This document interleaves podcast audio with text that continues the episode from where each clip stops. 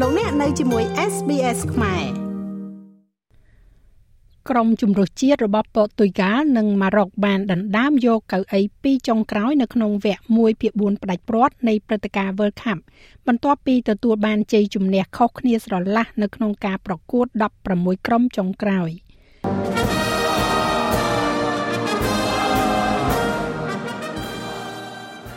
កីឡាករប៉ូទុយហ្គាល់11នាក់បានឈរនៅលើទីលានប្រកួតនៅក្នុងការគោរពបទភ្លេងជាតិក៏ប៉ុន្តែភ្នែកទាំងអស់គឺផ្ដោតទៅលើកីឡាករតែម្នាក់ដែល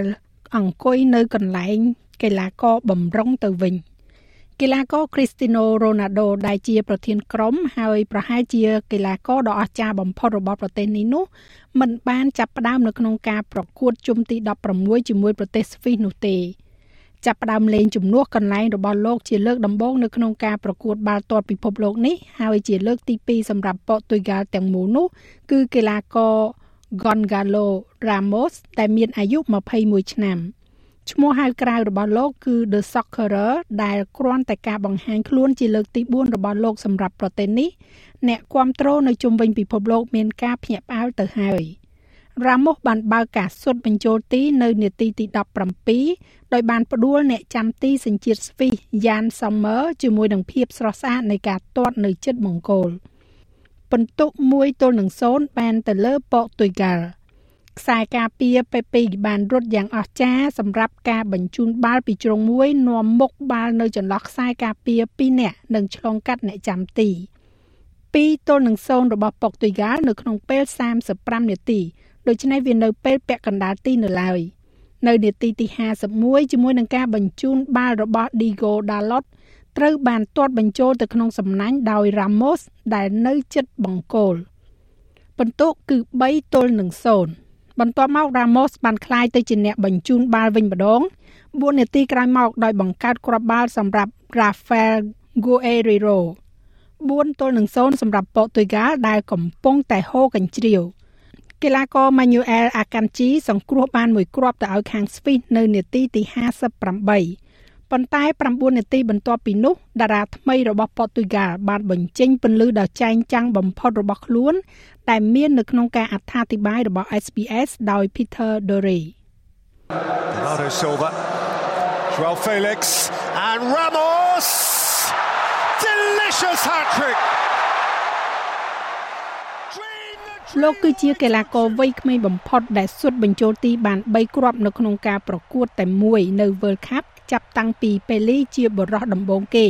ដែលសុទ្ធបាន3គ្រាប់នៅវគ្គជម្រុះ World Cup ក្នុងរយៈពេល32ឆ្នាំហើយក៏ជាបរិះដំបូងគេដែលសុទ្ធបាន3គ្រាប់នៅ World Cup ជាលើកដំបូងរបស់ខ្លួននៅក្នុងរយៈពេល20ឆ្នាំ Gonzalo Ramos គឺជាតារាដែលរះនៅក្នុងរាត្រីនោះ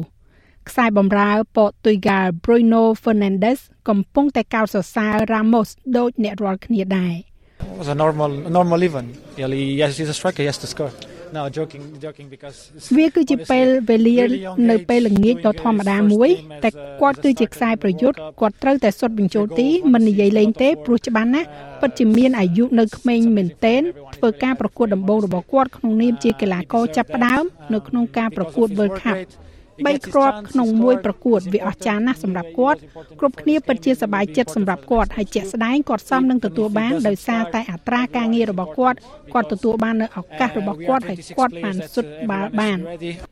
មានការអបអរសាទរយ៉ាងខ្លាំងផងដែរនៅពេលដែលរ៉ូណាល់ដូបង្ហាញខ្លួនជាអ្នកជំនួសហើយលើសពីនេះទៅទៀតនៅពេលដែល Rafael Leao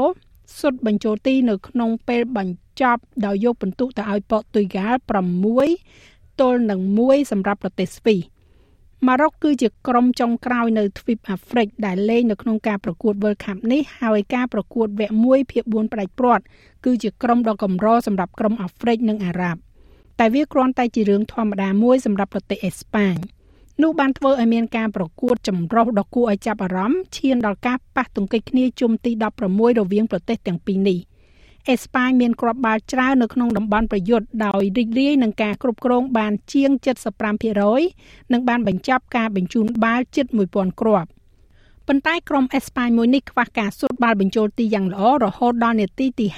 54ម៉ារ៉ុកបានព្យាយាមឆ្លងផុតម៉ោងបន្ថែមដោយមិនព្រមចាញ់ហើយពួកគេក៏អាចធ្វើវាបានហើយបន្ទាប់ពីលេងបាន120នាទីការប្រកួតនៅតែពិន្ទុ0ស្មើហើយក៏ឈានដល់ការស៊ុតបាល់ពេណាល់ទី ហើយនៅទីនេះអ្វីអ្វីក៏បានផ្លាស់ប្ដូរ Pablo Sarabia បុកបង្គោលទី1ជាមួយនឹងការស៊ុតដំបងរបស់អេស្ប៉ាញបន្ទាប់មកអ្នកចាំទីម៉ារ៉ុក Yassin Bounou បានសង្គ្រោះការទាត់គ្រាប់ទី2ការទាត់ពីគ្រាប់ដំបងរបស់ម៉ារ៉ុកបានចូលហើយក៏ទទួលបាន2ទល់នឹង0បន្ទាប់ពីការទាត់ពេណាល់ទី3គ្រាប់ម្ខាងភាពជោគជ័យរបស់ម៉ារ៉ុកជាមួយនឹងការទាត់គ្រាប់ទី4របស់ពួកគេបានផ្ដល់ឲ្យពួកគេនៅជ័យជំនះ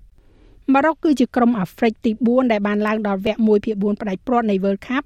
និងជាក្រុមដំបូងចាប់តាំងពីហ្គាណាបានចូលដល់វគ្គនេះកាលពី12ឆ្នាំមុន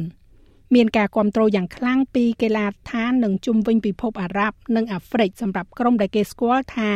Atlas Lion នេះ។ដូច្នេះការប្រកួតវគ្គ1ភាគ4ផ្ដាច់ព្រាត់ចុងសប្តាហ៍នេះត្រូវបានកំណត់ហើយពាក់កណ្ដាលនៃការចាប់ឆ្នោតលេងនៅព្រឹកថ្ងៃសៅរ៍ម៉ោងស្តង់ដារអូស្ត្រាលីខាងកើត ក្រុមទី1គឺក្រូអាតទល់នឹងប្រេស៊ីលនៅម៉ោង2ព្រឹកថ្ងៃសៅរ៍បន្ទាប់មកហូឡង់ជួបជាមួយនឹងអាហ្សង់ទីននៅម៉ោង6ព្រឹកអ្នកឈ្នះនឹងជួបគ្នានៅថ្ងៃពុធក្នុងវគ្គពាក់កណ្ដាលផ្ដាច់ព្រាត់ក្រុមដំបងនៅថ្ងៃទី13ខែធ្នូនៅម៉ោង6ព្រឹកនៅថ្ងៃអាទិត្យម៉ារ៉ុកនឹងជួបជាមួយនឹងប៉ូទុយហ្គាល់ហើយបន្ទាប់មកអង់គ្លេសលេងជាមួយបារាំងអ្នកឈ្នះនឹងប្រកួតនៅថ្ងៃប្រហ័សទី14ធ្នូក្នុងវគ្គពាក់កណ្ដាលផ្ដាច់ព្រាត់ក្រុមទី2 ចាស់ហើយរបាយការណ៍នេះចងក្រងឡើងដោយ Sanil Awasthi និង Tom Kennedy ហើយប្រែសម្រួលសម្រាប់ការផ្សាយរបស់ SPS ខ្មែរដោយនាងខ្ញុំហៃសុផារ៉ានីចុច like share comment និង follow SPS ខ្មែរនៅលើ Facebook